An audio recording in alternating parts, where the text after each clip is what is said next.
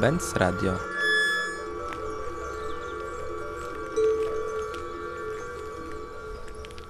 Cześć. Nagrywamy właśnie drugie antykontrrewolucje. Ja jestem Kacper, I Michał. który siedzi trochę za daleko. Antykontrrewolucje mają być taką przestrzenią dla nas do podzielenia się trochę naszymi refleksjami, ale też dalej jakby eksplorowaniem tematów. I dzisiaj będziemy rozmawiać o współczesnych mitach edukacji, czyli takich założeniach, na których jest oparta, oparta szkoła, ale tak naprawdę w jakiś sposób oparte jest to, jak rozumiemy, kim jest człowiek i czym jest trochę świat. I mieliśmy taką obserwację z Michałem parę razy, że wszystkie rozmowy edukacji w jakiś sposób jakby tak naprawdę pływają na takim poziomie, co ja myślę o człowieku, kim on jest, jakby czego potrzebuję, żeby go zmotywować. No i chcielibyśmy po prostu sobie to dzisiaj poeksplorować i mamy taką listę przygotowaną, którą byśmy chcieli sobie tak trochę też tutaj dzisiaj na żywo jakby dopieścić i spróbować złapać na przykład 10 mitów edukacji, jakie one, jakie one są. I mamy dzisiaj jeszcze z nami Emilkę. Cześć, Emilka. Zaprosiliśmy z Michałem Emilkę, bo ja przynajmniej byłem pod wielkim wrażeniem tego, co mówiła na szkole na Wagarach, którą organizowaliśmy w październiku w Warszawie. No i że po prostu to może jakoś nam fajnie urozmaicić i ożywić, ożywić formułę, a że my z Michałem rozmawiamy o edukacji przez 99% naszego życia, to czasem Ostatnia proporcja troszeczkę się zmienia. Okej. Na korzyść reszty życia. nie ma życia poza, poza edukacją. No, umówmy się. No dobra, to chyba tyle. Czy ty chcesz coś Emilka od siebie dorzucić? No ja nie mówię tak dużo o edukacji zazwyczaj i wydaje mi się, że dopiero się zaczynam wkręcać w temat. Wydaje mi się, że to zawsze jakoś tam było z tyłu głowy mojej, że ja coś kwestionowałam, ale w ogóle nie wiedziałam, że są ludzie, którzy na przykład o tym tak na poważnie rozmawiają, a nie sobie mają jakieś dialogi w głowie. Więc y, bardzo się cieszę, że mnie zaprosiliście i mam nadzieję, że coś tam Wam dodam. Formuła będzie taka, że ja będę zapowiadał jakąś propozycję tego, tego mitu edukacji i będziemy sobie to razem eksplorować. To pierwszy, pierwszy mit, o którym, o którym pomyślałem, nazywałem uczenie się jest mozolnym, nudnym i mechanicznym procesem. Wdzięcznie brzmi. tak. Mówi to o tym, że, że właśnie, że, że szkoła w obecnej formie jest oparta o, o takie założenie, że, że proces uczenia się jest po prostu taką męczarnią, że wykuwamy na kartkówki, że musimy się do czegoś zmuszać, że to jest w ogóle jakaś taka osobna czynność, którą się robi zawsze jakby trochę z napiętą, napiętym tyłkiem i nie za bardzo jest z tego fan. Może jest jakaś część ludzi, których jakoś to, jakoś to bardziej ciekawi, ale dla mnie to było po prostu jakimś takim, takim marazmem totalnym. No i oparte jest to dla mnie oczywiście o czymś jakby dużo głębszym jeszcze. Mówi w ogóle troszeczkę o tym, jak działa ludzka motywacja. Czyli trochę, że jesteśmy takimi leniwymi bestiami jako ludzie i że jeżeli się nas zewnętrznie nie przymusi na różne sposoby karami, nagrodami, strachem i tak dalej, no to, no to nie będziemy nic robić. Jak to dla Was? Mi się wydaje, że to jest prawda to, co mówi, że jest takie przekonanie w społeczeństwie, ale też... ale, Ulubiona kategoria. tak, ale też jest y, to podszyte grubszym mitem, Mhm. to znaczy, że praca taka musi być. Mhm. Bo wydaje mi się, że jeszcze sama, sama nauka, wielu ludzi jest w stanie sobie wyobrazić czy zaakceptować, że może być fajna, ale bardzo często pojawia się argument, nie może być zbyt fajna, ponieważ ci ludzie później pójdą do pracy i będą mieli szefa i będą musieli robić jakieś rzeczy i nikt nie będzie ich pytał o zdanie, czy oni mają na to ochotę, czy nie mają ochoty i tak dalej. I że niech się lepiej przyzwyczają do tego, jak świat po prostu wygląda, a nie do tego, jak mógłby być może wyglądać, gdyby nie był oparty na pieniądzach. I wydaje mi się, Mm. że to jest jeszcze taki mit, który, z którym jeszcze ludzie mogą dyskutować, że nauka mogłaby być fajna, ale z tym, że praca jest ciężka, mozolna, żmudna i niekoniecznie daje satysfakcję, a jeżeli już komuś daje, to tym na szczycie i w związku z tym trzeba przejść tą męczarnię szkoły, żeby dostać się na ten szczyt. Wydaje mi się, że ten mit, o którym ty powiedziałeś o, o mozolnej nauce, jest przejawem tego, Tego głębszego w tego szkole po głębszego mitu, który można by Mhm. pewnie jeszcze bardziej pogłębiać na to, że życie jest cierpieniem po prostu, tak? Mhm. Ale, ale wydaje mi się, że jakby warto też dostrzec ten drugi aspekt. Mi się w ogóle wydaje, że my mamy jakieś takie przekonanie, że wszystko, co jest dla nas jakieś dobre i nas rozwija, musi być nieprzyjemne w ogóle strasznie i że musi być jakąś Mhm. taką męką dla nas. W ogóle jakby ze wszystkim, że i nauka właśnie, że przez to, że jakby się przed nią rozwijamy, no to musi być zła i niedobra, no bo kurczę, jak to, że jakby mamy przyjemność z tego, co jeszcze jest dla nas jakoś tam korzystne, no to w ogóle jakieś, moim zdaniem to jest w ogóle jakieś, jakaś abstrakcja dla niektórych. Jak to mówisz, to w ogóle myślę o czymś takim, że tak jakby jak, jak w czymś nie ma konfliktu, jak tego doświadczamy, to coś jest z tym nie tak. I jakby w ogóle o czym to świadczy, w sensie, że, że gdzieś musimy być, że jakby tak musimy mieć wewnętrznie skonfliktowaną jakby gdzieś jakby przestrzeń, że, że po prostu jak, jak coś nas nie gryzie, to, to, to jest jakieś takie podejrzane, dziwne, jakby za przyjemnie, za lekko to idzie, jakby nie męczymy się w tym, coś jest nie tak. Mhm. No i totalnie się z tym zgadzam, co myślisz też Michał o tym, o tym życiu, tylko dla mnie to jest takie właśnie pytanie, że jak mówimy o tych mitach edukacji, to czy mam je tak kate- kategoryzować bardziej trochę do szkoły przekładając, no bo tak naprawdę one wszystkie mogą zejść do natury człowieka po prostu. I to, co powiedziałeś też właśnie, już wcześniej się śmiałem, że życie jest, ciężko, jest ciupcianiem i ciężką pracą, bo nie mogłem przeczytać, to co napisałem, chodziło o życie jest cierpieniem i ciężką pracą. I ja bym powiedział, że właśnie trochę szkoła jest też taką instytucją, która nas tego właśnie wy- wyucza bardzo mocno. Mhm. W sensie, że gdybyśmy nie byli przyzwyczajeni w szkole Tak. Do tego, że mamy robić rzeczy, których sensu nie czujemy, nie rozumiemy albo się z nim wręcz aktywnie nie zgadzamy, no to bardzo trudno byłoby nas później jakby zmusić do tego, żebyśmy pracowali w firmie, która jakby robi rzeczy, których w ogóle bardzo często nie rozumiemy, albo na jakimś poziomie rozumiemy, że to jest szkodliwe i musimy wypierać to i jakby gubimy się w tej mieszance całej. Albo nawet, że jest taka retoryka, że jakby musimy wszystko robić, że na przykład musimy się uczyć, nie, że jakby na przykład mamy okazję, żeby się czegoś nauczyć, tylko że to jest jakiś taki przymus i coś, co jakby trzeba robić, jakiś taki jakiś obowiązek nieprzyjemny kolejny. No i to, i to w ogóle jakaś taka, wiecie, taka meta, metafora życia mi trochę przychodzi, że jakby życie jest takim wyścigiem i takim przeskakiwaniem jakichś dziur. Jakimś takim męczącym maratonem po prostu, do którego się musimy jakby ciągle, ciągle przygotowywać, nigdy w nim nie jesteśmy i zawsze czekamy na coś, co się jakby wydarzy po tym. Przerażające to jest w każdym razie dla mnie. Jeszcze w tym wątku o tym, jak to pokategoryzować. Mm, Mi się wydaje, że. Znaczy jestem pewien, że nie ma jakby jednego uniwersalnego sposobu, który byłby najlepszy, ale wydaje mi się, że warto się tym tutaj kierować, wliczyć te mity, które są najmocniej zakorzenione, a jednocześnie obalenie ich i zaproponowanie jakichś alternatywnych przekonań miałoby najwięcej korzyści. I trzeba też wziąć pod uwagę, że nie może być ich zbyt wiele, bo jak napiszemy ich y, 113, to y, nikt nie przeczyta wszystkich. Dlatego właśnie wolę tą pracę niż, y, niż tą naukę. W tym sensie, że wydaje mi się, że jakbyśmy odczarowali pracę, to naturalną konsekwencją tego byłoby to, że znacznie łatwiej by było odczarować naukę. A jak odczarujemy naukę, to cały czas jakby świat pracy pozostaje jakby nienaruszony i ludzie mają cały czas świetny I tak ta pętla- ta pętla że, się zamyka. Musi być cierpienie. Tak, no i myślę, że edukacji można jakby wspominać albo dodawać, że to samo dotyczy edukacji, ale rzeczywiście zakwestionować po prostu pracę. No dobra, to wracamy zaraz.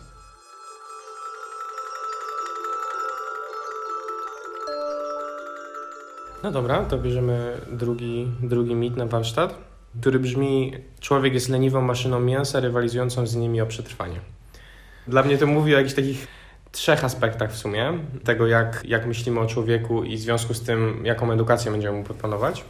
Po pierwsze, że, że właśnie, że jest leniwy, czyli że trzeba go zewnętrznie jakoś przymusić do robienia rzeczy. No co jest dla mnie oczywiście kompletną bzdurą, w sensie obserwując po prostu dzieci, jakby to jak się uczą, nie wiem, języka na początku albo z własnego doświadczenia w momencie, w którym wyszedłem ze szkoły i zacząłem jakby szukać rzeczy, które mnie interesują, to motywacji mi przybyło po prostu, nie wiem, stukrotnie i raczej miałem problem z tym, żeby przestać pracować po 12 godzinach niż, niż w drugą stronę. Co w szkole było dla mnie jakby za każdym razem jakąś taką, wymagało się takiego aktywnego jakby gdzieś decyzji, takiego przymusu w środku, żeby coś, żeby coś zrobić do tej, tej szkoły, praktycznie z wszystkich przedmiotów. No, więc pierwszy aspekt to jest dla mnie ta, ta i to, że potrzebujemy jakoś z zewnątrz, to trochę już o tym mówiliśmy przy, mm, przy tym poprzednim. Drugi to, to słowo jakby mięsną maszyną, w tym sensie, że też takie bardzo mechaniczne podejście do człowieka z, ze strony naukowej, ze strony biologicznej, w sensie, że jesteśmy jakimś takim jakby zbiorem cząstek, który jest w sumie sterowany przez DNA, nie ma nas w jakiegoś takiego głębszego sensu, głębszej duszy i po prostu można nami dobrze zarządzać. To jest dla mnie jakieś takie trochę po, jakby po modernizmie, po, po jakimś takim boomie naukowym pozostałość trochę tego i że dalej tak postrzegamy w dużej mierze człowieka. I ta mechaniczność też trochę świadczy o tym, no, że właśnie po pierwsze, że można go jakoś kontrolować, że on jest jakoś przewidywalny, że nie jest jakiś taki zintegrowany i holistyczny, że różne części nie do końca na siebie tak wpływają, tylko po prostu gdzieś jakby można jedną wymienić, drugą wsadzić i generalnie jest jakby spoko. To, że komuś wytniemy jakby serce, to nie wpłynie wcale jakby, jeżeli mu je dobrze wsadzimy inne z powrotem. Tak jakby był trochę taką maszyną, której można wymieniać części. A trzecia rzecz to ta rywalizacja. No i w- ogóle ten jakiś taki no, mit, który nam szkoła bardzo mocno sprzedaje, że po prostu jesteśmy w ciągłej walce o przetrwanie ze sobą, nawzajem jako uczniowie, z nauczycielami. Nauczyciele są jakby w walce ze sobą o nie wiem, o, o pracę, z dyrekcją o dobrą pensję, potem ministerstwo, kuratorzy i to wszystko jest jakimś takim po prostu jakbyśmy w jakimś tur, teleturnieju ciągle brali udział i kto wygra, ten przeżyje. Jakby trochę jest taka zabawa ciągle y, na różnych poziomach. No, to tyle ode mnie ze wstępu. Dużo zawarłeś tutaj w tym micie. Mm. Wydaje mi się, że trochę za dużo. W sensie mm, mówię tak o, o tym kawałku komunikacyjnym, bo merytorycznie ze wszystkim się zgadzam i chyba nie mam nic do dodania szczególnie, ale wydaje mi się, że jak właśnie zapakujesz w jedno zdanie lenistwo, mięsistą mechaniczność i konkurencję, to wydaje mi się, że ta mięsista mechaniczność zdystansuje ludzi, do których to lenistwo i konkurencja jeszcze mogłaby trafić.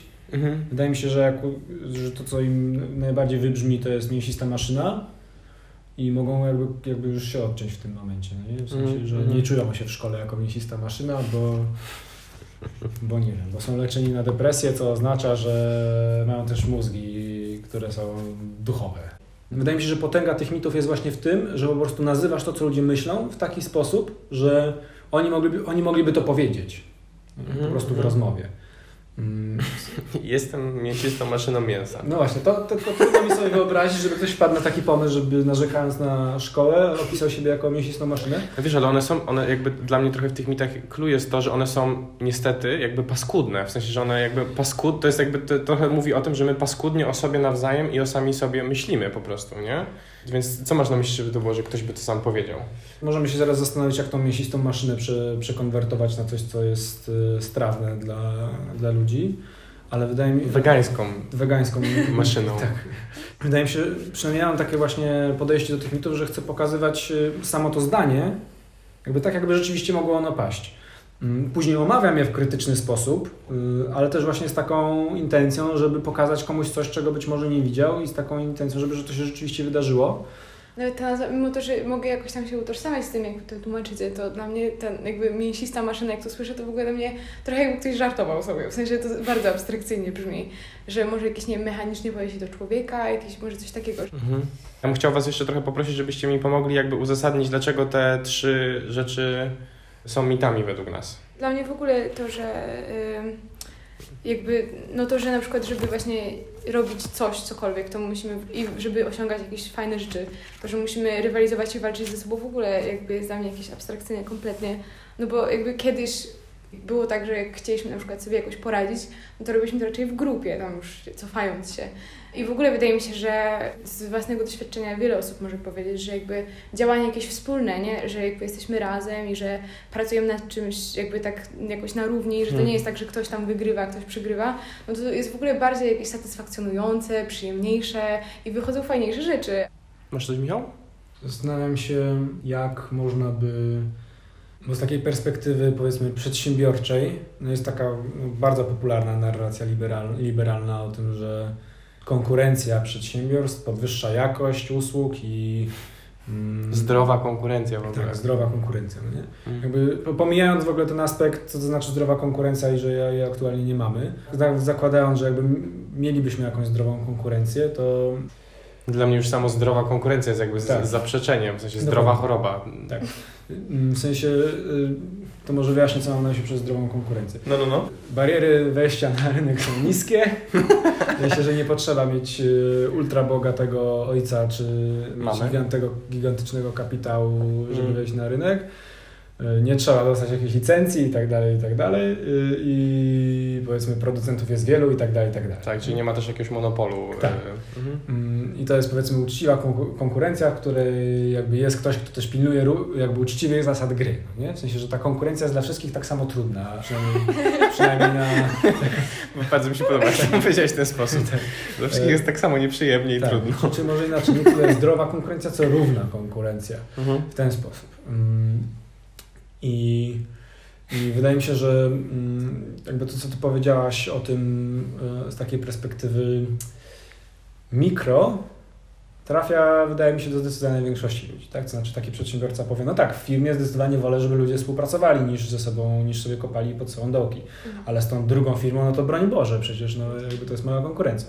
I wydaje mi się, że na tym, że trzeba pokazać na tej skali makro, że to jest wyzwanie, pokazania, że współpraca daje lepsze owoce niż konkurencja, tak? Tak. Mhm. I to jest, wydaje mi się, wyzwanie, które mm, jest y, najtrudniejsze i tu trzeba zahaczyć tak naprawdę jakby o te, o te ekonomiczne rzeczy, tak? Mhm. Znaczy, jak- co to znaczy wartość ekonomiczna i tak dalej i czy jeżeli moje przedsiębiorstwo zaczyna zarabiać więcej pieniędzy, to czy na pewno jest tak, że to znaczy, że wygenerowało więcej wartości, czy może po prostu więcej tej wartości zabrało z krajów trzeciego świata albo z y, biednych dinozaurów, co nie żyją i teraz są ropą naftową, no nie? I tak naprawdę to jest trochę o tym i wydaje mi się, że to jest y, tak naprawdę temat na oddzielny podcast i chodzi o tą skalę makro tak naprawdę, która jest taka trudna do wyjaśnienia. Dobra, to ja chcę chyba jakoś dorzucić tak trochę gdzieś po środku i jednocześnie tak jakby, jak rozumiem, skąd to się wzięło w ogóle, że jesteśmy w tym Mm. miejscu. Albo może co mamy do nauczenia się, że, no, że jak się czyta o, o tych jakby starożytnych kulturach, szczególnie jak jeszcze właśnie jakby żyliśmy w wioskach, jakby o czym wspominałaś też jakby, nie wiem, 10 tysięcy lat temu powiedzmy, no to jakby te, te systemy, w których oni funkcjonowali, w sensie takie systemy relacji, jakby podejmowania decyzji, rozwiązywania konfliktów, jakby były po prostu genialne, jakby alokacji zasobów właśnie, jak siedzieli, że jak nie wiem, są jakieś takie historie, że jak ktoś coś zrobił jakby szkodliwego dla swojej społeczności, to zamiast dostawać karę, jakby ludzie przychodzili go i go wspierali, bo jakby coś musiało się w nim zadziać jakby trudnego, że on w ogóle się przyczynił w jakiś negatywny sposób do kogoś innego. To po prostu brzmi przepięknie i to są jak najbardziej innowacyjne, w cudzysłowie innowacyjne teraz metody. Mhm. E, podej- W sensie na przykład sprawiedliwość naprawcza i Ale reforma. kiedy, kiedy, o jakich społecznościach mówisz? W sensie... No jest zbieracko-łowieckich. Okej. I ja mam teraz takie poczucie trochę, że my jakby w związku z tym, jak bardzo urośliśmy i że przeszliśmy w jakiś taki tryb cywilizacyjny, jakiejś takiej globalnej współpracy, to że musimy się nauczyć, jak to w ogóle robić na takiej wie, wielkiej właśnie makroskali, no ale oczywiście musimy zacząć to robić od, od mini po prostu skali, tak? W sensie od pojedynczej klasy w szkole, od jakby grupy w zespole i to się już gdzieś tam dzieje różnymi jakby teraz właśnie y, trendami. W ogóle du- dużo w aktywizmie jest jakby takiej troski o to przepięknej, żeby, żeby na przykład właśnie głosowaniem podejmować decyzje. I z tym sobie trochę na małej skali jeszcze nie radzimy i mamy bardzo dużo nauczenia się od tego, co było 10 tysięcy, 15 tysięcy lat temu i można spokojnie do tego wracać, bo jak dla mnie to tam często są po prostu gotowe modele do przełożenia. No ale po drugie jest, ta, jest to wyzwanie takie większe w ogóle. Yy, I tak, i to jest jeszcze jakby jeszcze trudniejsze, bo tak jak mówisz, jakby jeszcze w firmie, no tak, ma to sens, ale jak ja mogę z, w ogóle z kimś jakby współpracować jako grupą ludzi? No bez sensu, w sensie musimy przetrwać po prostu i walczyć o te skończone zasoby. A druga rzecz, e, o której myślę, to też jakby w takiej jakby psychologicznej perspektywy, o czym to świadczy, że my tak bardzo nie ufamy sobie nawzajem, że, że jakby trochę automatem jest, żeby, żeby jakby, nie wiem, coś nie dopowiedzieć, gdzieś tutaj jakby przejść trochę naokoło i że jesteśmy w takiej, w takiej separacji ze sobą w relacjach po prostu, no bo rywalizacja to nie jest tak, że to jest neutralne i to nie wpływa na relację. No jeżeli jesteśmy w, w relacji rywalizacyjnej, to strzałki są jakby, oddalają się od siebie, nie przybliżają od siebie, więc konsekwencje tego trybu funkcjonowania na nasze życie, jakby takie na świat relacji jest, jest olbrzymie po prostu moim zdaniem, mimo że to jest też w ogóle jeden z jakichś głównych powodów, dla którego mamy taką jakby plagę jakiejś takiej samotności, to, że tyle uczniów jakby nie może powiedzieć, że że ma jakąś jedną osobę, z którą może chociaż pogadać i tak dalej. Że to jest jakiś... e, pamiętasz, kiedyś mi mówiłeś o, mm, o tych badaniach, pamiętasz dokładnie? Nie pamiętam, już wtedy nie pamiętam, jaki to był procent, jak Ci o tym mówiłem. Okej, okej. Pamiętam, że był zatrważająco wysoki, że co najmniej 30%, tak? To było badanie w mojej szkole. Mhm. I właśnie byłem bardzo zszokowany, ponieważ z tej ankiety wynikało, że powiedzmy, że 30%, ale wydaje mi się, że jest nawet szansa, że to było jakoś 50%. W każdym razie Mhm. mnóstwo ludzi właśnie w tej ankiecie zadeklarowało, że nie ma, w, nie ma w społeczności szkole ani jednej osoby, z którą chciałyby po szkole spędzić czas. Co dla Mhm. mnie było totalnym szokiem, ponieważ jak się wchodziło do tej szkoły, to w, w, było widać mnóstwo rozgadanych, uśmiechniętych, y, zajętych sobą i innymi ludźmi. Mhm. I jak ja bym miał oszacować, jaki będzie odpowiedź na to pytanie, to bym powiedział, nie wiem, może 15% maks, no nie? I bym uważał, że to jest taki bezpieczny strzał, no nie? Po prostu tych ludzi nie widać. W sensie oprócz tego, że są ci ludzie oczywiście samotni, to jest też po prostu pierdyliard ludzi, m, którzy po prostu nie wyglądają na samotnych, jeżeli się ich dobrze blisko nie pozna, ponieważ tak się dobrze ukrywają, po prostu Mhm. się czują. Mhm. No dobra, tu bym chyba zamknął ten drugi, bardzo długi i bardzo złożony mit, który ma w sobie z trzy chyba, tak jak złapaliśmy. Dzięki. Dobra, to jeszcze mamy od Michała mały bonus, bo normalnie Michałowi dużo płacimy pieniędzy, żeby z nami rozmawiał, więc teraz dopowiadam za darmo. Ale w umowie mamy napisane, że nie mówimy o tym, że mi płacisz. Więc to będzie trzeba wyciąć. Ale tak, to jest gratis od serca. A propos tych ym, społeczności zbieracko-łowieckich, zrobiłem sobie kiedyś taki eksperyment myślowy. Ponieważ jak się dowiedziałem, że społeczności zbieracko-łowieckie w naszym rozumieniu dzisiejszym pracowały mniej niż my dzisiaj, abstrahując od tego, że to co oni robili to nie była praca, bo oni po prostu żyli, a nie pracowali, ale to co my dzisiaj uważamy za pracę, czyli te czynności związane z y, bezpośrednim przetrwaniem fizycznym, czyli powiedzmy zbieranie jedzenia i tak dalej, zajmowały im około 4 godzin dziennie podobno. I to mi się jakby złączyło z tym, że w takim razie po co im było rolnictwo, tak? W sensie, jeżeli tak sobie dobrze radzili 4 godziny dziennie, no to po co mieli zwiększać produktywność y, zdobywania jedzenia, jeżeli już było im tak dobrze. Że I- chcieli wygrać, e, wiesz, zostać wyróżnione w jakimś rankingu Forbesa za najszyb, najszybszą, najbardziej innowacyjną produkcję ziemniaków i jakby to No, spowodowało. jakiś grant od kosmitów. Innowa- Innowacje rolnicze jest, ach, trzeba to zrobić. Jednak tutaj musimy przycisnąć temat grant od kosmitów. Imperium Galaktyczne zrobiło grant na innowacje.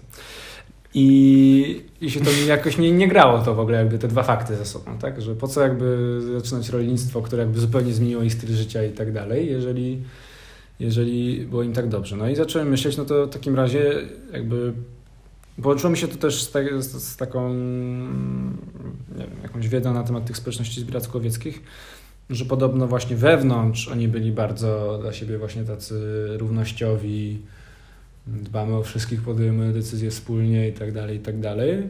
Natomiast podobno wobec innych społeczności, mm, to ci inni ludzie już nie byli ludźmi. Że jak się pojawiał jakiś tam inny człowiek z innej gromady, no to oni często mieli jakieś wojny między sobą naprawdę brutalne, w sensie, że się wyżynali po prostu brutalnie i tak dalej, że są Mhm. jakieś takie wykopaliska, że ktoś jest pochowany w taki sposób, że no jakby nie został pochowany, tylko po prostu jego kości są rozrzucone na różne kawałki i widać ślady walki, no nie? Mhm. I że jakieś takie pola bitew w ogóle są odnajdywane. Mhm. Właśnie z tamtych czasów. Ja myślę sobie, że być może właśnie przyczyną tych wszystkich zmian jakościowych jest efekt skali. Mhm. Czyli przez to, że tak dobrze ze sobą współpracowaliśmy w ramach poszczególnych grup, Mhm. robiło się nas coraz więcej. Jak się nam zrobiło coraz więcej, ponieważ mogliśmy spokojnie sobie się rodzić i rozmnażać, no to ktoś musiał iść dalej albo ze względu na zmiany klimatu, albo coś tam, albo coś tam. W każdym razie musieliśmy się rozprzestrzeniać, żeby brać kolejne ziemię, ale w którymś momencie dochodziliśmy do pustyni, już nie za bardzo było gdzie dalej iść i niektórzy tam szli dalej, ale niektórzy zostawali. Generalnie być może robiło się gęsto. A że zbieracko-łowieccy potrzebują jakby określonego terytorium, żeby te owocki zbierać naturalnie rosnące i na zwierzęta polować i muszą się przemieszczać w związku z tym właśnie dlatego, że że w pewnym momencie w danym miejscu zaczyna tego brakować, no to potrzebują też sporo przestrzeni. I być może było tak w którymś momencie ludzkiej, yy, ludzkich dziejów, bo jeszcze nie historii, że na określonych obszarach brakowało zasobów po prostu. No nie? I w Mhm. związku z tym trzeba było wymyślić coś nowego, na przykład właśnie to rolnictwo. I oni zaczęli to rolnictwo, no i w związku z tym zaczęły się walki o terytoria i tak dalej, i tak dalej, ponieważ już byli przywiązani do jakichś, do jakichś kawałków ziemi. Jak się pojawiło rolnictwo, no to także własność, które posiadły, w związku z tym hierarchia i lecimy dalej w cywilizację. I do czego zmierzam? Że to, co pierwszym etapie dziejów gromad zbieracko-łowieckiej, czyli ta zdolność współpracy, empatii i tak dalej wewnątrz grupy była właśnie tym, co było, zapewniło taką skuteczność i produktywność i tak dalej.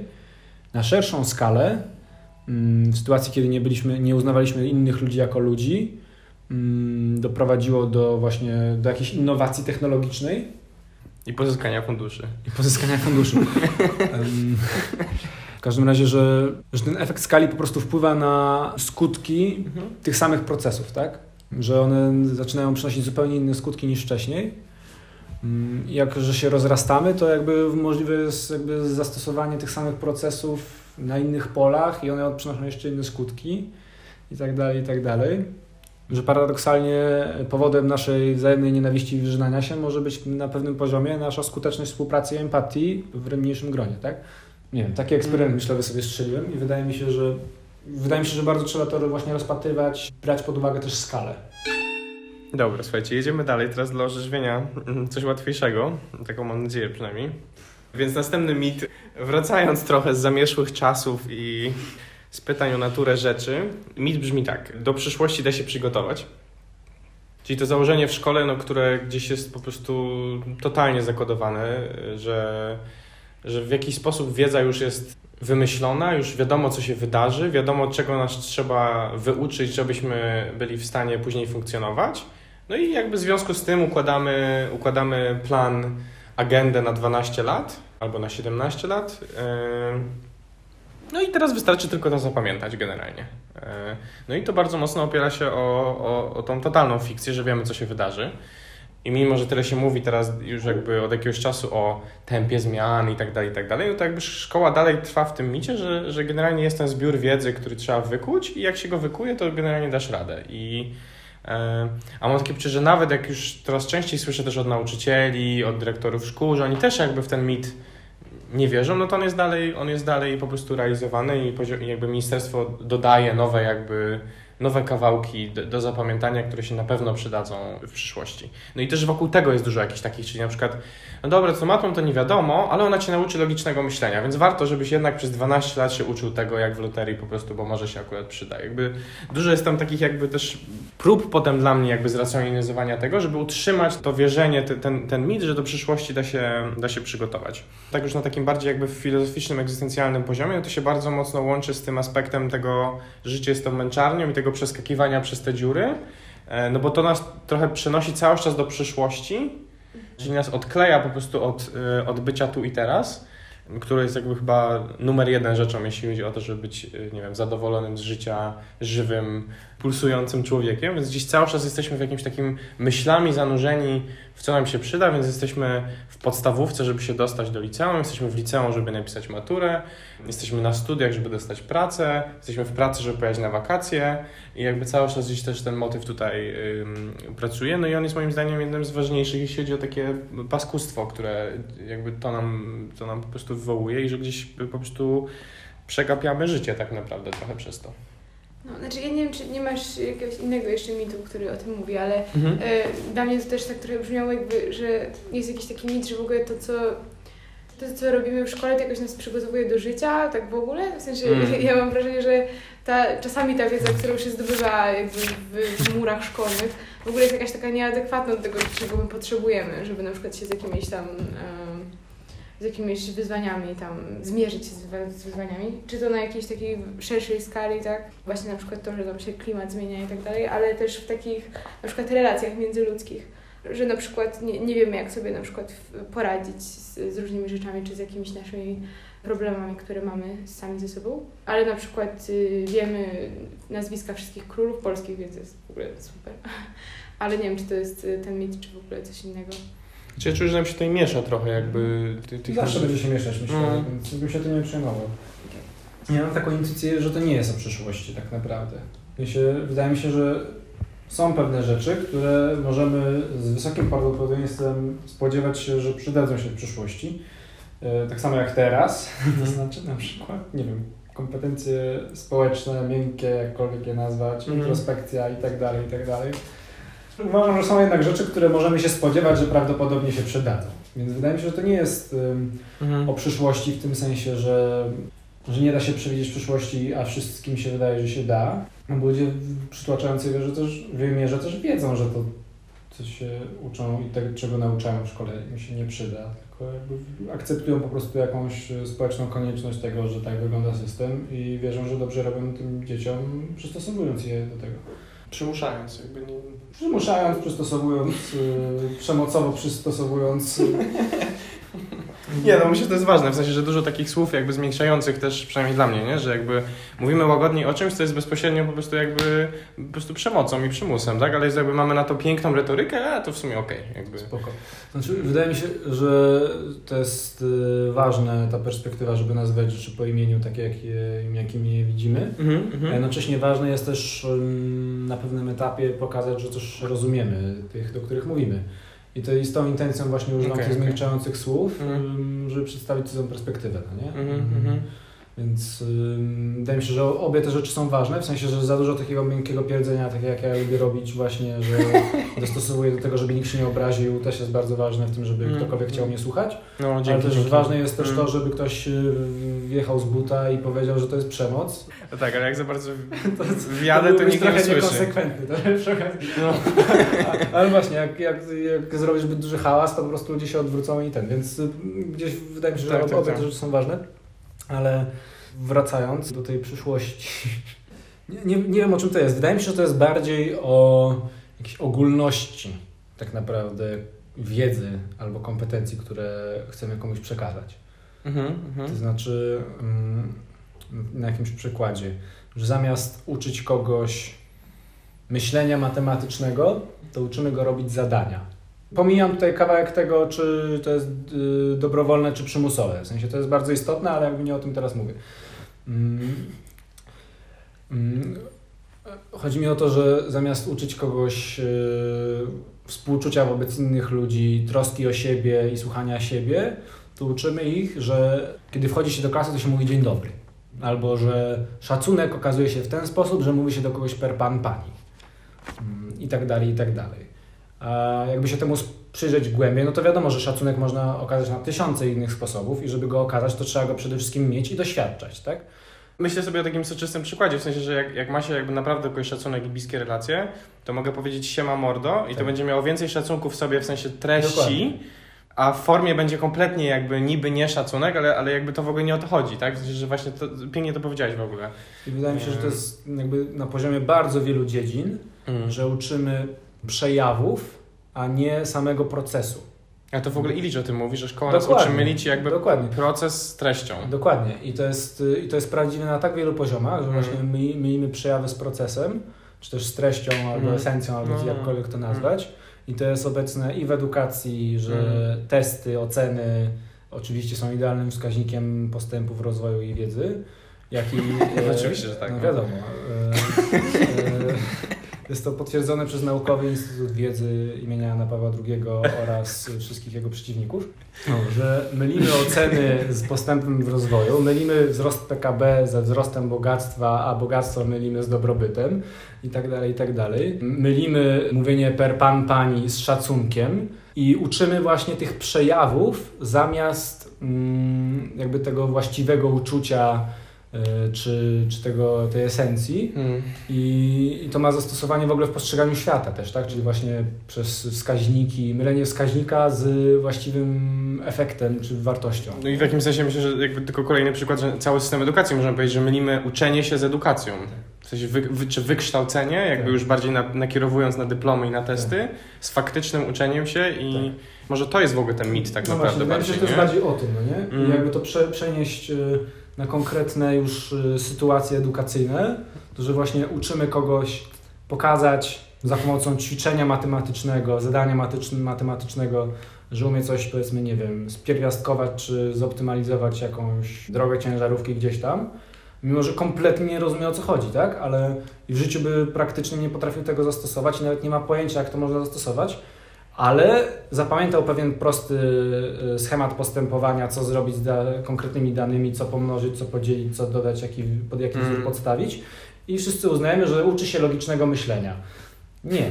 I właśnie wydaje mi się, że to jest y, ta różnica, że to Mm. nie, tak naprawdę nie jest o tej przyszłości, a bardziej o Mm. jakimś takim, no właśnie, myleniu esencji z objawami. Mhm. Jestem ciekaw na przykład, czy widzisz jeszcze jakieś, jakieś objawy tego, na przykład już tak w szkole konkretnie, bo żebyśmy może trochę znowu jakby wpadli do tego budynku na nowo. Objawy mylenia, znaczy no, widzę ich mnóstwo wydaje mi się, w sensie są jakieś takie przejawy, które właśnie na przykład mylimy z inteligencją, a moim zdaniem w ogóle się nie łączą z inteligencją. Czyli na przykład są dobrzy uczniowie, których ja poznałam, ponieważ mają dobre oceny. Ja poznałem Ciebie, a Ty ich poznałaś, też fajnie. Ale na przykład mam wrażenie, że jakoś tak życiowo to w ogóle nie mają inteligencji. W sensie, że jest jakaś taki, takie poczucie, że jakoś są tacy, no właśnie, że na przykład nie, nie, nie potrafią sobie radzić w relacjach międzyludzkich, czy w ogóle w sytuacjach społecznych i wydaje mi się, że to może się jakoś tak łączyć, tak? To co, to, co mówisz, no to w tej książce Ilicza od Szkolnictwa Społeczeństwa, o której już wcześniej też mówiłem, właśnie, że on tam to, na- to nazywa, co, ty, co teraz mówisz, czyli że szkoła nas uczy mylić umiejętność powiedzenia czegoś nowego, jakąś taką sprawczość z umiejętnością zapamiętywania na pamięć właśnie. I to jest dla mnie to, co, to, co ty teraz jakoś nazywasz w inny, w inny sposób. Więc to jest dla mnie to, to samo i tu można myśleć, że mnóstwo przykładów takich. Ja tu chciałem wtrącić. Mhm. W książce, której nie doczytałem, mimo że jest bardzo ciekawa, e, ale polecam z całego serca, Przemysława Sadury, y, Państwo, Szkoła, Klasy. Jest opisany taki mechanizm. On generalnie operuje na takim założeniu, że w ogóle społeczeństwo jest podzielone na klasy, od tego zacznijmy. Klasa ludowa, tam średnia i wyższa w uproszczeniu. I że taka właśnie średnia to cały czas próbuje się awans- awansować i utrzymać na tym, na tym poziomie co najmniej. I jest takie właśnie rozróżnienie, że są różne jakby kapitały tych klas i że na przykład taka klasa ludowa jest bardziej taka bezpośrednia w komunikacji, powiedzmy, a średnia już trochę bardziej spięta i tak dalej, i tak dalej. No i to jest jakieś tam założenie w tle, które jest jakimś uogólnieniem i wiadomo, że w Mhm. wielu wypadkach się nie sprawdzi, ale generalnie jest. I on opisuje taki proces, że właśnie ludzie na przykład właśnie y, z takich y, właśnie defaworyzowanych środowisk, tych niższych klas, potrafią w dzisiejszym społeczeństwie awansować za pośrednictwem edukacji i nabyć ten kapitał, nazwijmy go teraz akademickim albo nie wiem, jakimś tam, ale jednocześnie są różne rodzaje kapitału społecznego. Jest jakby ten, załóżmy, nazwijmy go teraz akademicki, ale jest też powiedzmy kapitał społeczny, jakiś tam, jakiś tam.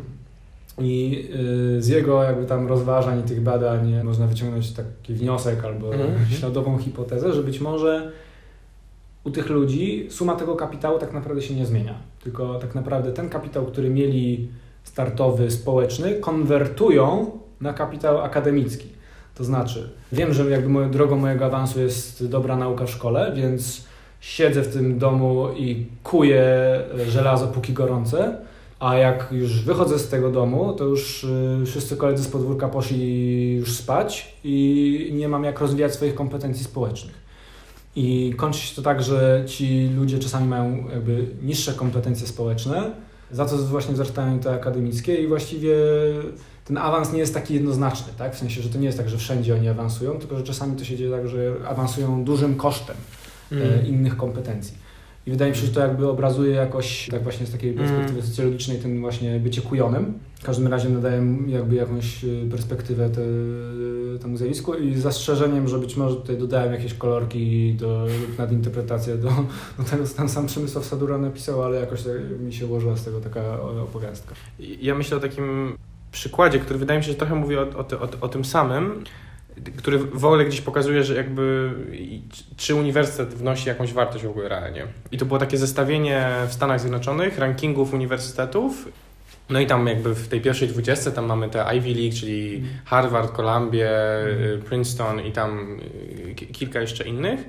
No i one mają zbudowaną taką genialną markę i w ogóle są takie super i, i tak dalej, i tak dalej. I zrobili takie badanie, które było bardzo spójne z takim amerykańskim paradygmatem jakby związanym z, po prostu z kasą głównie, ale na ile się realnie przekłada to, że ktoś był na uniwersytecie, na to, że zacznie więcej zarabiać. W tym sensie realnie, że jeżeli, biorąc pod uwagę z jakiej klasy teraz tam wchodzi, to na ile to, że był w tym uniwersytecie, jakby naprawdę mu coś zwiększy, czy on i tak generalnie statystycznie by do, tyle by zarabiał po studiach. No i na przykład Columbia, która tam była chyba piąta, czy, czy jakoś tam, na pewno w pierwszej ósemce, e, właśnie z, z pierwszej ósemki spadła na 1250 któreś miejsce. Co po prostu pokazuje, że, że de facto ta Columbia jest po prostu takim klubem spotkań bogatych dzieci, które i tak by zarabiały bardzo dużo, nie wnosi praktycznie żadnej wartości realnie, jeśli chodzi o wartości w tym sensie zwiększenia e, zarobków e, po, e, po uniwersytecie.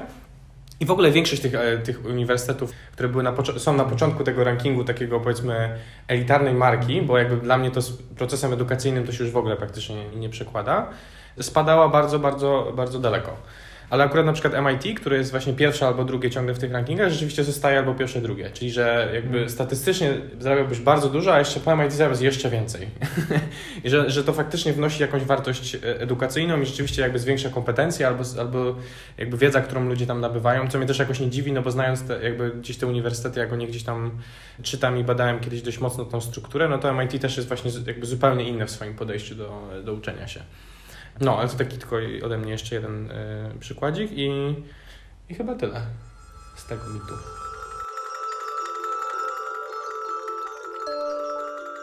Mamy takie tutaj swoje pauzy e, zakulisowe i właśnie zaczęliśmy trochę rozmawiać o tym, że my z Michałem mówimy zdecydowanie więcej i to wyszło od Emilki, więc no, więc, więc po prostu jakoś chciałem się też tym podzielić, żebyście, żeby to było też nagrane i że to jest coś, co jakby widzimy i jakby staramy się tym jakoś zaopiekować i no, i oddaję Ci głos Emilka, chciałeś coś o tym powiedzieć. E, tak, no ja właśnie e, mówiłam trochę o tym, jak się czuję podczas tej rozmowy, ponieważ jest to takie trochę dla mnie nowe doświadczenie, w sensie teraz może nie tak bardzo nowe, no bo trochę się wkręciłam w, w działanie strajku uczniowskiego i poznałam też ludzi, którzy myślą trochę e, na temat tej edukacji i tego, jak to wygląda, ale ja miałam takie doświadczenie właśnie w szkole, że zaczęło mi tak bardzo, mam wrażenie, że z jakąś taką, im bardziej byłam jakaś taka świadoma siebie, tym bardziej coś mi zaczynało nie grać trochę w niej. I miałam jakiś taki moment, że właśnie zaczęłam kwestionować i spotykałam się, no i byłam w tej szkole i spotykałam się ze środowiskiem osób, które miały takie właśnie podejście yy, do tego całego tematu, że no dobra, no że tutaj coś nam nie pasuje i że to jest niefajne i że to nie działa, ale że tak jest i że, że takie jest życie i że taka jest szkoła, że ona powinna być nieprzyjemna. Bardzo się często pojawiał ten mit, że przecież, no, ale gdyby było inaczej, to byśmy sobie jakby nie poradzili, żebyśmy sobie na przykład nie, właśnie, że byśmy nic nie robili, że nie każdy może się tak zorganizować, że nie każdy ma tyle siły i mocy i w ogóle chęci. I wydaje mi się, że to jest dla mnie takie bardzo odświeżające, że w ogóle rozmawiamy o tym, że pokazujemy, że to nie musi być prawda, tak? Że to nie jest tak, że, że nie mamy nadziei w ogóle w życie i w ludzi i w, to, i w to, jak funkcjonujemy. I to jest jakieś chyba dla mnie ważne. Spotykam się na co dzień, że na przykład zaczęłam rozmawiać z koleżanką na temat y, strajku uczniowskiego i się zapytała właśnie, jakie tam są postulaty, coś tam, coś tam. I jej oczy w ogóle były, się zrobiły jak jakieś talary, w takim sensie, że jakaś w ogóle abstrakcja dla niej, że kurde, Emila, ale przecież tak, jakby tak, tak się nie da, no, że dobra, no, że ty jesteś taka, że sobie wstaniesz rano i się czegoś nauczysz, ale że inni ludzie to w ogóle jakby by sobie nie poradzili, jakby mieli wolność, że jakieś takie to, tego typu rzeczy. No ja też przeszłam na nauczanie domowe w lutym e, tamtego roku, no i to też było takie, ja w ogóle nie rozmawiałam o tym ze znajomymi, bo nie chciałam, żeby mi przekonywali, że to jest zły pomysł, ale jakby mam wrażenie, że w ogóle to też się jakoś tak łączy z aspektem, też jakieś, na jakieś inne, inne tematy, ale z aspektem e, wolności i tego, ile jesteśmy w stanie jej znieść. Że ja na przykład mam wrażenie, że dużo osób na przykład boi się w ogóle kwestionować szkołę.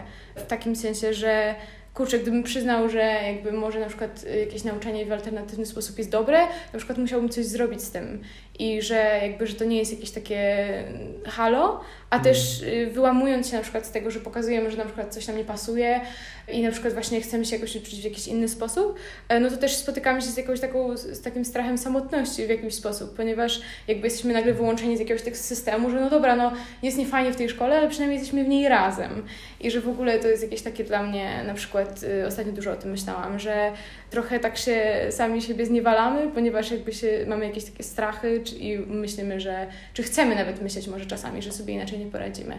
No, dla mnie to jest, to jest piekielnie ważne, co mówisz, w tym sensie, że, że to też bardzo, jakby szczególnie o tym, jakby to nazywa się strachem przed wolnością, czy, czy coś, czy coś, no, coś takiego? takiego? No, a to był taki aspekt, o którym też z Michałem jakby sporo gadaliśmy w strajku, a propos tego, że, że jeżeli zaczynamy rozmawiać o postulatach, o wizji edukacji z, z młodymi ludźmi, to ja miałem takie często poczucie, że to, o co oni jakby proszą, to jest takie przemalujcie nam klatki na inny kolor. W sensie, że jakby chcemy więcej lekcji przedsiębiorczości, taki bardzo często jakby powtarzający się jakby pomysł a propos edukacji, jakby super, tylko że dalej on w ogóle nie kwestionuje jakby istoty tego po prostu, nie? I nie chcę tego jakoś w ogóle atakować czy coś takiego, tylko że to dla mnie mówi o tym mechanizmie, że jakby my tak bardzo sami sobie nie ufamy, a propos tego, czy jesteśmy aktywnymi, ciekawymi świata ludźmi. Znam to bardzo dobrze u siebie. No tak, że jak myślę o tym, że ktoś miałby mnie nie zmusić do tego, jakoś nie przycisnąć, no to, no to nie będę się uczył.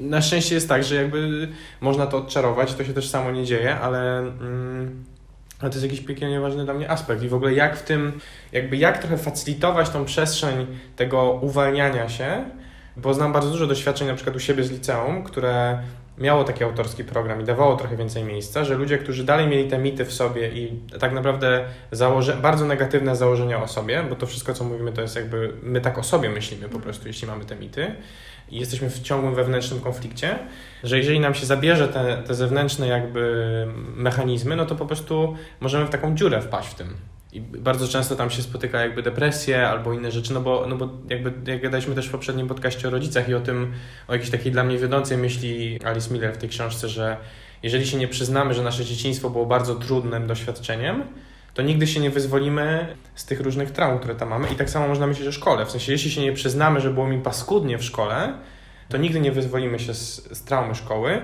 tylko że to się, jakby to oznacza automatycznie, że spotkamy się z emocjami, które były z tym związane. I to jest bardzo trudne i bardzo bolesne. Dlatego jakby ta kultywacja mitu szkoły jest jakby tak, e, tak istotna, bo jeżeli, bo jeżeli to, jeżeli się wpuścimy taką myśl do siebie, że kurde, naprawdę tam było nieprzyjemnie, w sensie byłem ciągle zmuszony do robienia rzeczy, których nie chciałem robić, była jakaś dziwna pani, która na mnie krzyczała i nie rozumiałem w ogóle tego sensu i spędzałem tam 6 godzin dziennie, plus robiłem zadania domowe i ile emocji jakby musi być z tym związanych, w sensie jakiegoś takiego, no jakby na przykład ten strach ciągły związany z rywalizacją. Przecież pamiętam, to było dla mnie jakby bardzo trudne doświadczenie, więc jak sobie to wpuszczę do środka, to ten cały wór tych negatywnych emocji, negatywnych w sensie nieprzyjemnych, jakby musi się wylać razem z nim. I teraz na to trzeba mieć siłę, żeby z tym zostać i to przeżyć i, i cały ten proces uruchomić. I to jest bardzo trudne i wymaga niesamowitych warunków, więc w ogóle to, co mówisz, jest dla mnie jakąś taką istotą trochę tego, nie wiem, czegoś najważniejszą nie w ogóle rzeczą, którą dzisiaj nazwaliśmy.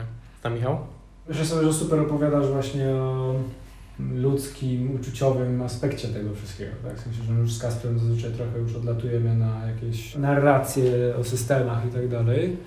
A wszystko się wzięło właśnie z tego, że gdzieś przeżywaliśmy po prostu mm, w trudny sposób trudne emocje związane z tym, co się po prostu działo w naszych latach szkolnych i dzieje się do dziś.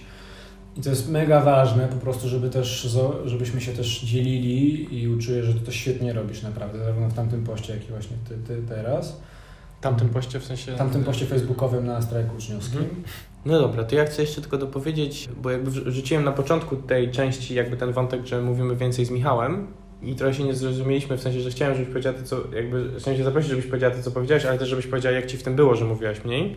Aha, okay. e, w sensie, że nie chcę, żeby to wpadło w kolejny, moi, moim zdaniem, mit, tylko taki trochę bardziej już mit jakby antykontrrewolucyjny czy aktywistyczny, że wszyscy muszą mówić po tyle samo. Okay. Także jakby w zależności od tego, na jaką formułę się mówimy, jaki jest cel spotkania, jego sens, jakby, który mówimy, a nie, że jesteśmy uwięzieni w tym, że musimy mówić porówno. Więc, więc tylko jakby o tym chcę powiedzieć, że że ta formuła dzisiejszej rozmowy miała być taka, że gdzieś my mieliśmy z Michałem bardziej o tym plątać i po prostu ty miałeś dopowiadać swoje, jakby zarzucać różne ciekawości albo właśnie przykłady i, i to sobie po prostu samo płynie, więc ja, ja chcę powiedzieć, że nie dążę do tego, żebyśmy mówili po tyle samo e, i to już mówię bardziej teraz do słuchaczy nawet niż do ciebie, bo ty o tym wiesz. No, ale jeśli miałabyś się teraz ochotę podzielić po prostu tym, jakby jak ci w tym było, myślę, że byłoby bardzo wartościowe też e, do usłyszenia dla innych. Wydaje mi się, że po prostu, e, no tak jak to mm, powiedziałam, trochę czułam się taka niepotrzebna po prostu w takim sensie, że miałam jakieś takie wrażenie, że mówimy o czymś, no i że właśnie z racji tego, że wy jakby jesteście swobodni w tych tematach, no to mówisz się o jakichś, nie wiem, książkach, jakichś przykładach cywilizacji. E, Wiesz, jakoś czujemy się dalej tak zagrożeni, że dalej musimy się opierać jakimiś sławnymi nazwiskami i teoriami, żeby, żeby rozluźnić sobie do... tym, z czym walczyliśmy, Kasper. No, zawsze, zawsze tym byliśmy, mam takie poczucie. Wydaje mi się, że po prostu jakby to też jakby jest jakaś taka kwestia, że każdy chyba chciałby jakoś tam, nie wiem, wybrzmieć jakoś tam inteligentnie, jakoś mądrze, coś tam powiedzieć. No i tak trochę no. miałam wrażenie, że, że na waszym tle tak może kurczę, że tak nie, nie mam za bardzo nic do dodania. No wiadomo, że to jest takie uczucie takiego bycia taką trzecią, trochę takim trzecim kołem wozu. No, ale jakby bardzo, bardzo się cieszę, że jakby też mogłam z Wami jakby powiedzieć to, to też jakby Kacper jesteś taką osobą, którą e, wiem, że, znaczy nie znamy się jakoś bardzo długo, ale że właśnie mogę w Tobie jakoś położyć takie zaufanie, że jak Ci powiem, to mnie nie wyśmiejesz ani nic takiego. I jest to też jakby dla mnie w ogóle nowe trochę, że mało kogoś znam, ale że mogę otwarcie mówić, jak się czuję w konwersacji, że w ogóle coś dzieje. No. no bo bliskość jest nie o czasie, nie? Tylko jakby o, bliskości. W sensie, jakby, w sensie bliskości, dystansie jakby no między tak, ludźmi, tak, nie? Tak, I jakby super. No dobra. To co? Zamykamy ten, ten wątek i idziemy dalej do mitów? Dzięki. Uznaliśmy, że, że chcemy powoli kończyć i rozbić te mity edukacji czy mity o człowieku na, na dwie części, więc spróbujemy teraz to już trochę jakoś tak sobie troszkę podsumować i no i wrócimy po prostu do Was jakby z y, drugim podcastem, drugą częścią podcastu o mitach edukacji. Ciąg dalszy nastąpi. A ja chciałem właśnie podsumować e, w formie świętowania. To, co dzisiaj się tutaj wydarzyło. Zresztą chciałem tak od siebie pod, poświętować, że mam takie poczucie, że mm, nie tylko wyłożyliśmy na stół coś, co dawno mieliśmy w głowach i, i tylko to podaliśmy, tylko ja mam takie poczucie, że przynajmniej we mnie pojawiło się wiele nowych refleksji, połączenie jakby różnych elementów, które gdzieś tam kiedyś miałem w jakąś nową całość. Więc y, wdzięczność mam wielką za to, że to się wydarzyło i jakoś takie mam poczucie, że Hmm. Wykreowaliśmy coś nowego w tej sytuacji Edukacyjnej. edukacyjnej, która składa się z czterech elementów. Nie, już nie, już nie. Kochamy Cię, Jacu Jakubowski, któryś dał nam ten model. No. A tak serio, to jest bardzo dobry model y, y, jednego z naszych mentorów, y, który właśnie stworzył w ogóle koncepcję sytuacji edukacyjnej. No, ale to już tylko w nawiasie. Kontynuując. Nie, to było bardziej w ramach dojaśnienia, żeby ludzie w ogóle wiedzieli o co chodzi. Moje Tak, tak. inside job psychologiczno-facylitacyjny nie zawsze jednak trafia. Zawsze, no. Jesteśmy hiperinkluzywni po prostu. Tak, więc świętowanie, że udało nam się coś nowego wytworzyć. Mam takie poczucie, że też fajnie, fajna była w ogóle atmosfera rozmowy. Też wiele jakichś takich y, mądrych rzeczy udało się też powiedzieć. Oraz y, w szczególności świętuję to, że uważam, że y, udało nam się to zrobić spójnie z naszymi wartościami. To znaczy nie tylko gadaliśmy o tym, jak to być powinno, ale też czuję, że właśnie zrobiliśmy to tak, jak być powinno i to pokazaliśmy. Jak jestem na uniwersytecie, to dochodzę do wniosku, że jest to bardzo trudna sztuka. Mianowicie podążania za tym, co się dzieje, a nie tylko realizowania e, wcześniej przyjętego planu.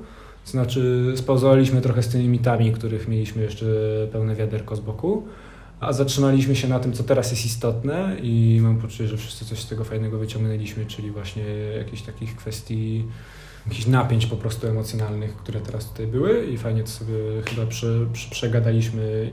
I tak, i to chyba wszystko, co, co, co ja chciałem podsumować i poświętować. I teraz y, Kacper powie co dalej, tak? Ja chyba jeszcze zapytał Ciebie, Milka, czy masz jakby właśnie może jakąś taką zamykającą rundkę świętowania? Jestem bardzo w ogóle wdzięczna, że mnie zaprosiliście i że mogłam się podzielić i pogadać trochę. E, Wydaje mi się, że jest to dla mnie bardzo e, jeszcze takie stresujące i nowe i emocjonalne, a, ale rzeczywiście bardzo się cieszę, że w ogóle tu miałam szansę zrobić z Wami, bo mam wrażenie, że mimo to, że może nie we wszystkim mi jakoś poszło, to właśnie nie dostałam po tej głowie i że jakoś mogę próbować dalej. I bardzo się cieszę, że może coś mogłam jakby też wnieść w to i, i strasznie się cieszę, i że, że mogliśmy tu być razem. Więc to takie moje świętowanie. Fajnie, dzięki. Jak wszyscy, to. I, tak, tak. Znaczy, Zgadzam się z wszystkim, co powiedziałeś, Michał, i, i też mam takie poczucie, że naprawdę jakąś taką no, nową wartość to dla mnie stworzyło wewnętrznie i było właśnie naprawdę takim wspólnym poszukiwaniem w tym momencie, a nie odtwarzaniem czegoś, co wcześniej e, przygotowaliśmy. Ale, ale chciałem, co bym chciał dodać, jakoś tak podkreślić, e, to, że właśnie czuję, że naprawdę się w tym jakoś tak rozluźniliśmy i że flow był dużo ciekawszy i przyjemniejszy, więc jakby tak napisałeś w opisie pierwszego podcastu, że mieliśmy trochę spięte dupki, to myślę, że teraz były lekko większe. Może z tego samego faktu, że siedzimy teraz na podłodze i je rozciągamy, też się przyczynia. No dobra, słuchajcie, to, to tak podsumowując tylko jeszcze te mity, ja jakoś próbowałem notować, ale nie wiem, czy to jest y, ta wersja. Ja prze- przeczytam wam je i byście mogli ewentualnie coś dopowiedzieć. To pierwsze było, że życie jest ciężką pracą finalnie, albo życie jest jakby męczarnią i zmiana na ten kierunek i tam dopowiadanie o tym, że to samo się dzieje w szkole, w sensie, że szkoła jest pracą. Rozbicie tego drugiego na osobno, że jesteśmy maszyną mięsa, osobno, że po- powinniśmy rywalizować i to jest jakby zdrowe i osobno, że co, że motywacja jest, y, Lenistwo. że jesteśmy leniwi, tak, e, że jesteśmy leniwi. Później, że szkoła przygotowuje do życia, jako taki ogólny, ogólny mit, no i to było dużo o tym, czy to było razem z tym mylenie esencji z formą, w sensie procesu z treścią, czy to był, Tak, było tak. chyba tak, tak? Bo ty to nazwałeś, że można przygotować się do przyszłości. Tak. Mhm. Emilia to przerobiła na szkoła przygotowuje do życia, a ja zaproponowałem, że to Okej. jest tak naprawdę o esencji i objawach. Okej, no dobra, czyli mamy jakiś taki wspólny jakby szkoła, szkoła przygotowuje do życia, że to jest mitem i że Szkoła przygotowuje do życia objawami. szkoła przygotowuje do dostania się na uniwersytet. Myślę, że to jest spokojnie nie mit. Objawem Tak. zazwyczaj. Dobra. No więc mamy coś takiego, jakby czuję, że to jest jeszcze dużo roboty do zrobienia i dużo fajnych mitów do zeksplorowania i będziemy je w nich dalej dłubać. A to były anty kontrrewolucje z Kacprem Michałem. Emilką. Dzięki.